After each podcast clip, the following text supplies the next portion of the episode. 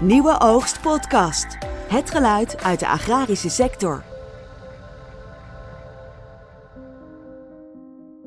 De agrarische sector staat momenteel voor een enorme transitie. Daarbij komen boeren vaak voor moeilijke keuzes te staan. Sommigen gaan voor een andere bedrijfsvoering en verdienmodel. Oud-veehouder Jan Versluis is een van hen. Maar dit is uh, de oude lichtboxenstal. Kijk eens aan. Hoeveel koeien Dus, had je hierin? eh, maximaal hebben er ooit 70 in gestaan. En nu, ja, nu staan er wat machines en trekkers. Ik heb er geen hartzeer van als ik hier eh, doorheen eh, loop.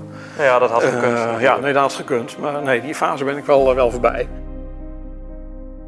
Ik ben Job Hiddink, redacteur bij Nieuwe Oogst. Voor deze podcast zocht ik oud-veehouder Jan Versluis op in Meerkerk. Hij stopte in 2010 met het melken van koeien. Vanaf toen tot anderhalf jaar geleden verzorgde hij de opfok van jongvee voor een collega.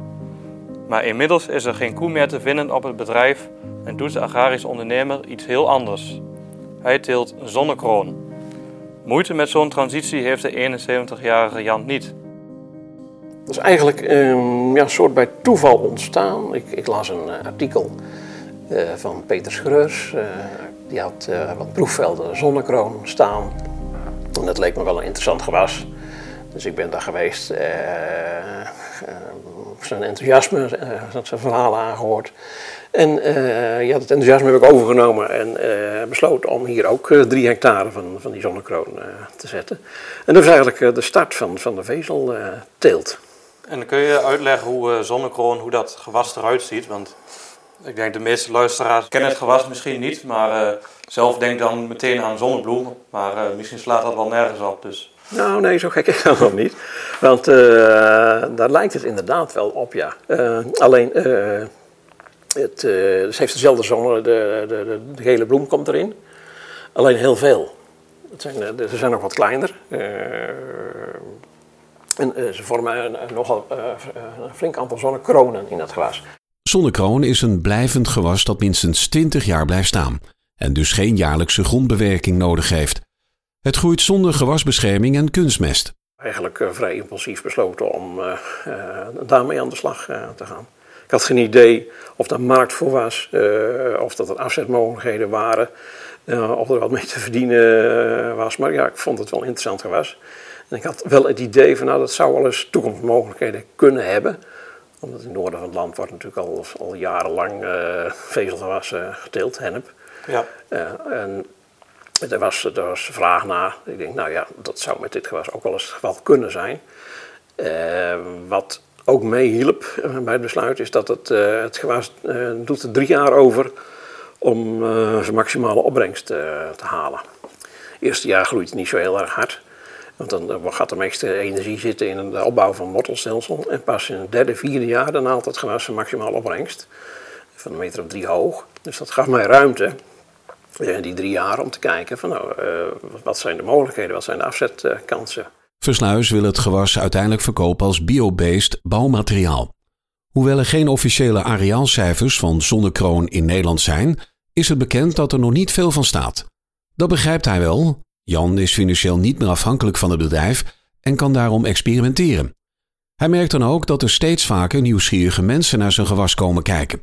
Ja, dan valt het natuurlijk enorm op. Op afstand zie je daar één groot geel veld. ja. En nu zie je dat, eh, dat er inderdaad regelmatig mensen eh, even stappen met de auto of met de fiets en een foto maken. En, ja, dat is, dat is natuurlijk opvallend, want eh, je ziet hier nergens in de, in de regio dat soort velden. Het is, het is een, een, een, melkveehouderijgebied. En dat is eigenlijk, dat is wel mooi, want op die manier probeer ik ook een, een, een keten te bouwen. Eh, van, van, van meer boeren die eh, een paar hectare van, van, van dat gewas gaan, gaan telen. Het hoeft niet per se zonnekroon te, zijn, maar zou ook eh, vezelhennep kunnen zijn. Om te kijken of dat je een soort marktpositie kan opbouwen. Want ja, met die drie hectare die ik hier heb, kan ik niet zoveel in de markt. Dan heb ik meer oppervlakte nodig, meer hectares. En als Ja. je dat met meer boeren gezamenlijk zou kunnen doen, en je hebt, je hebt positie, ja, dan kan je richting de markt, dan sta je ook wat sterker. Zijn hier in de omgeving veel boeren die willen stoppen of geen opvolger hebben? Waarvan je denkt, die zou hier wel aan mee willen werken? Ja, dat is, er, er zitten inderdaad best wel boeren die, eh, die, die willen stoppen. Of inderdaad geen opvolger eh, hebben. Maar die, die vinden dat nog wel een beetje lastig. Omdat op het moment dat ze natuurlijk volledig stoppen met hun, hun melkveehouderij, dan uh, hebben ze dat ze in de, in, de, in de knoei raken met hun rechten. Dat ze die kwijtraken. Dus die, ik zie die boeren die houden... Fosfaatrechten bedoel Ja, dan, precies. Fosfaatrechten en B-vergunningen. Dus ik zie dat ze die stallen die houden ze mooi vol. Um, in, in, in, afwachting van wat gaat er nou eigenlijk precies gebeuren. Hoe gaat dat stikstofbeleid er, eruit zien. Um, maar oh ja, op lange termijn uh, zullen er inderdaad zeker boeren zijn die daarmee stop gaan, gaan stoppen met die melkveehouderij, omdat vanwege leeftijd. Of, en dan zou dit een heel mooi alternatief kunnen zijn. Ja. Niet dat dat per se iets is voor boeren die stoppen. Want ook uh, stel dat boeren om een bepaalde reden wegens stikstofbeleid zou moeten krimpen. en ze krijgen ruimte op hun bedrijf in, in, in, in, in, in arbeid en in grond. dan zou dat ook een alternatief kunnen zijn. En nou vinden best wel veel boeren het ook best wel moeilijk om uh, hun koeien weg te doen. Dus ik kan me voorstellen dat niet iedereen ook meteen dan denkt om uh, dan andere gewassen te gaan telen en stoppen met, uh, met veehouden. Maar hoe vond je dat zelf dat de laatste koeien weggingen? Toen het jongvee wegging en die stal leeg kwam te staan, dat was wel even een lastige periode. Ja. Want in het begin dan doe je toch nog even je loopje, gaat even naar die stel. Al is het maar uit de gewoonte, terwijl je vooraf al weet dat er niks te doen is. Dan doe je toch nog even, maak je dan uh, je rondje, zeg maar. nou, went dat ook wel hoor, dus het is niet het einde van de wereld.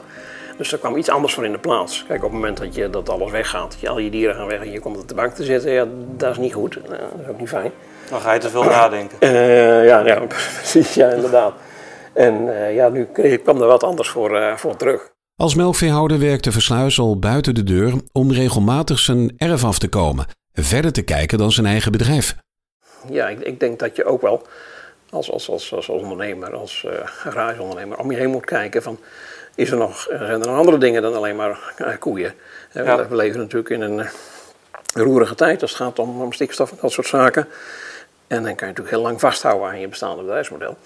Maar als je het idee hebt dat, dat, dat je daar op een gegeven moment in vastloopt, of omdat het zelf niet meer wil, of dat je kinderen het niet meer willen. Of er op andere zaken op je pad komen. Dan denk ik dat je daarvoor open moet staan. Je moet kijken ja. van wat is er nog meer. Het bijzondere ervan is dat. Ik vertelde net dat, ik, dat we geen bedrijfsopvolgers uh, hebben, omdat de kinderen niet met de melkveehouderij door wilden. Die uh, vinden dit wel interessant. Die zeggen, nou, die vezelteelt, dat, is, uh, ja, dat, dat zien wij ook wel als, als, als, als ja, toekomstige bedrijfsontwikkeling. En die doen nu weer volop mee. Dus uh, het kan best zijn dat het bedrijf alsnog een opvolger krijgt. Dat, uh, dat zou zomaar kunnen gebeuren, ja. Dat sluit ik absoluut niet uit. Hoe lang wil je zelf nog door met werken? Zo lang mogelijk, hè. ja, ja. Die vezelteelt is wat dat betreft uh, qua arbeid niet ingewikkeld. Voor een, voor een groot deel is het loonwerk, besteed je het uit. En voor de rest is het uh, ja, kijken of je die markt kan, uh, kan opzetten. En als dat helemaal loopt, veronderstel dat meer boeren dit interessant gaan, uh, gaan vinden. Je zou dat coöperatief kunnen opzetten. Ja, dan kan je ook gezamenlijk zaken regelen. Je kan ook gezamenlijk machines aanschaffen. Ja. je kan gezamenlijk pro productontwikkeling doen. Je kan gezamenlijk je afzet regelen. En dus dat biedt weer, weer nieuwe mogelijkheden. Naast zonnekroon teelt de agrarische ondernemer ook vezelhennep. En denkt hij na over andere vezelgewassen om te kijken wat het beste werkt. Oh, daar staat een vezelhennep. En de, de hennep die, ja, die staat hierachter. En de zonnekroon, die hadden jullie waarschijnlijk al gezien. Op, ja, ik kan er wel een vermoeden in ieder geval. Die hebben we daar. Het valt ook onder de narcotica-wet, heb ik mij laten vertellen. Je moet apart opgeven bij de gecombineerde opgave, de mijtelling. En ik moest de, de, de labels van de, van van de, zakken, zaad, moest ik, uh, moest bewaren. Want als er een keer, er zou controle kunnen komen. En dan nemen ze hier en daar wat monsters. En dat gaan ze naar het TCH gehalte bepalen. Of er niet te veel verdovend spul in, uh, ah. in zit. Maar goed, het komt bij een erkend uh, zaadleverancier vandaan. Dus daar ben ik niet, niet zo bang voor de werkzame stof uh, is zo laag dat dat doet niks. Nee. Dan zou het hele veld op moeten roken en dan ben je pas high. ja, ja, ja, ja, Maar dan heb je al een ander probleem in die tussentijd. Ja, dat denk ik ook wel. Ja. Door naar zonnekroon. Een vrolijk gewas waarvan de bloem inderdaad wel wat weggeeft van de zonnebloem. Kennis van koeien heeft Versluis genoeg, maar de akkerbouw is nieuw voor hem. Iets wat hem tegenviel is de onkruiddruk, Maar ook dat komt wel weer goed. De boer is positief over de nieuwe kant die hij op is gegaan. Toch weet hij ook dat verandering niet voor iedereen makkelijk is. Kijk naar de collega's waar ik dan nog contacten mee heb, dan zie ik dat er best veel uh, veranderingsbereidheid uh, is. Alleen dat komt niet op gang. Uiteraard moet het verdienmodel overeind uh, blijven, maar dat hoeft natuurlijk niet per se het verdienmodel te zijn waar ze nu actief in zijn. Dus ik zie ook wel heel veel initiatieven daarnaast inmiddels opgestart zijn. Of boeren die dat plan hebben, maar het nu nog even afwachten vanwege de onzekerheid van het politiek klimaat. Ja. Van wat gaat er nu gebeuren? Uh, dat geldt hier voor hier hetzelfde. Ik, uh, ik, heb geen vee meer in de stal staan. Dat betekent onmiddellijk risico voor, voor, voor productierechten, voor, voor een vergunning. En dat is voor andere boeren ook zo. Dus die gaan even op een ander zitten. Die denken, nou wacht maar eens ik wil eerst weten wat ik, waar ik precies aan toe ben hoe een, regelingen eruit gaan zien, uh, of mijn rechten uh, gewaarborgd blijven. Wat gebeurt er met, met latente ruimte, stallen die voor een gedeelte leeg staan. En zolang de politiek daar geen duidelijk antwoord op heeft, komt die, die, die, die, die, die, verandering die, die komt niet op gang. Nu, nu, dat, is, dat, dat speelt hier ook mee, hè, met, met die vezelteelt. Boeren zeggen van ja, ik heb nu een goed verdienmodel met, met melkveehouderij. Uh, ik merk nu nog niks van, uh, van, van, van, van, van uitkoop en van, vermindering, want er is nog geen beleid. Dus ik hou voorlopig nog even vast aan het bestaande model. Ik heb ook geen andere keus. Dus dat houdt uh, ontwikkeling tegen. Maar je vindt dat, dat boeren niet zozeer moeten worden uitgekocht, maar dat ze een mogelijkheid hebben om wat anders te gaan doen Precies. in hun bedrijf? Ja, je moet boeren helemaal niet uitkopen. Want waarom zou je dat doen? Dat geeft, uh, dan krijg je kaalslag op het platteland. Want het is niet alleen die boer die, die, die, die weggaat, die uitkoopt, maar ook de hele, de, alles eromheen. Hè? De hele periferie, iedereen die, die, die, van die boeren, van die agrarische sector afhankelijk is. Ja.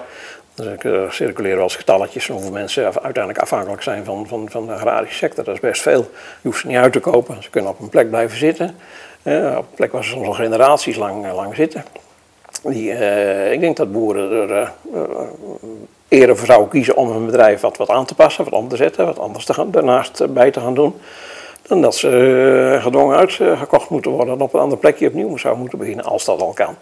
Dus biedt ze perspectief en, en, en, en, en, blijf niet vasthouden aan dat, aan dat per se uitkopen van boeren. Van de helft moet weg.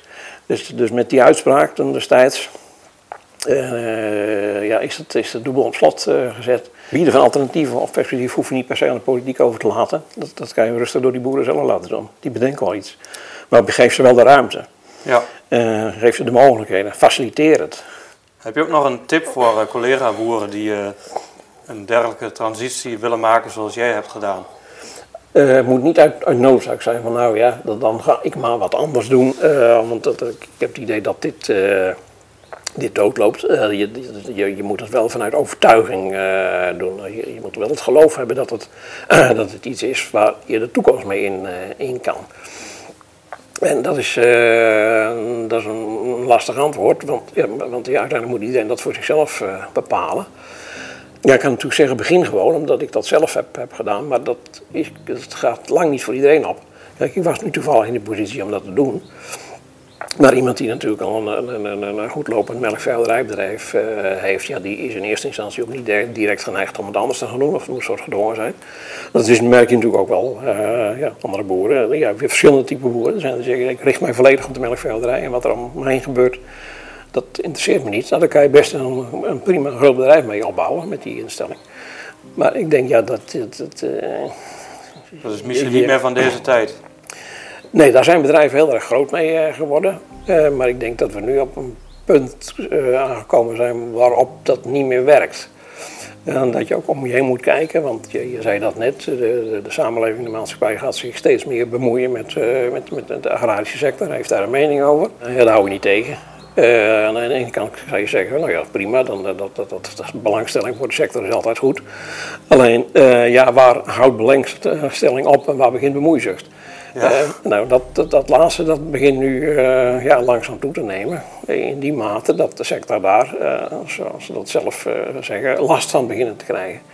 Nou ja, dat begint dan met de intensieve, intensieve sector. Ja, ik heb het idee dat dat op een gegeven moment als, als bedrijfsmodel wel houdbaar is, maar dat de samenleving daar op een gegeven moment in zo sterke mate iets van gaat vinden dat, uh, ja, dat er aanpassingen nodig zijn. Of misschien wel afbouw. Dus en dan kan je natuurlijk heel goed lopend bedrijf hebben, maar dat ontslaat je volgens mij niet van de verplichting ook om, ook om je heen te kijken van wat, wat, uh, hoe wat vindt de maatschappij van mijn bedrijf? Vinden ze mij nog relevant?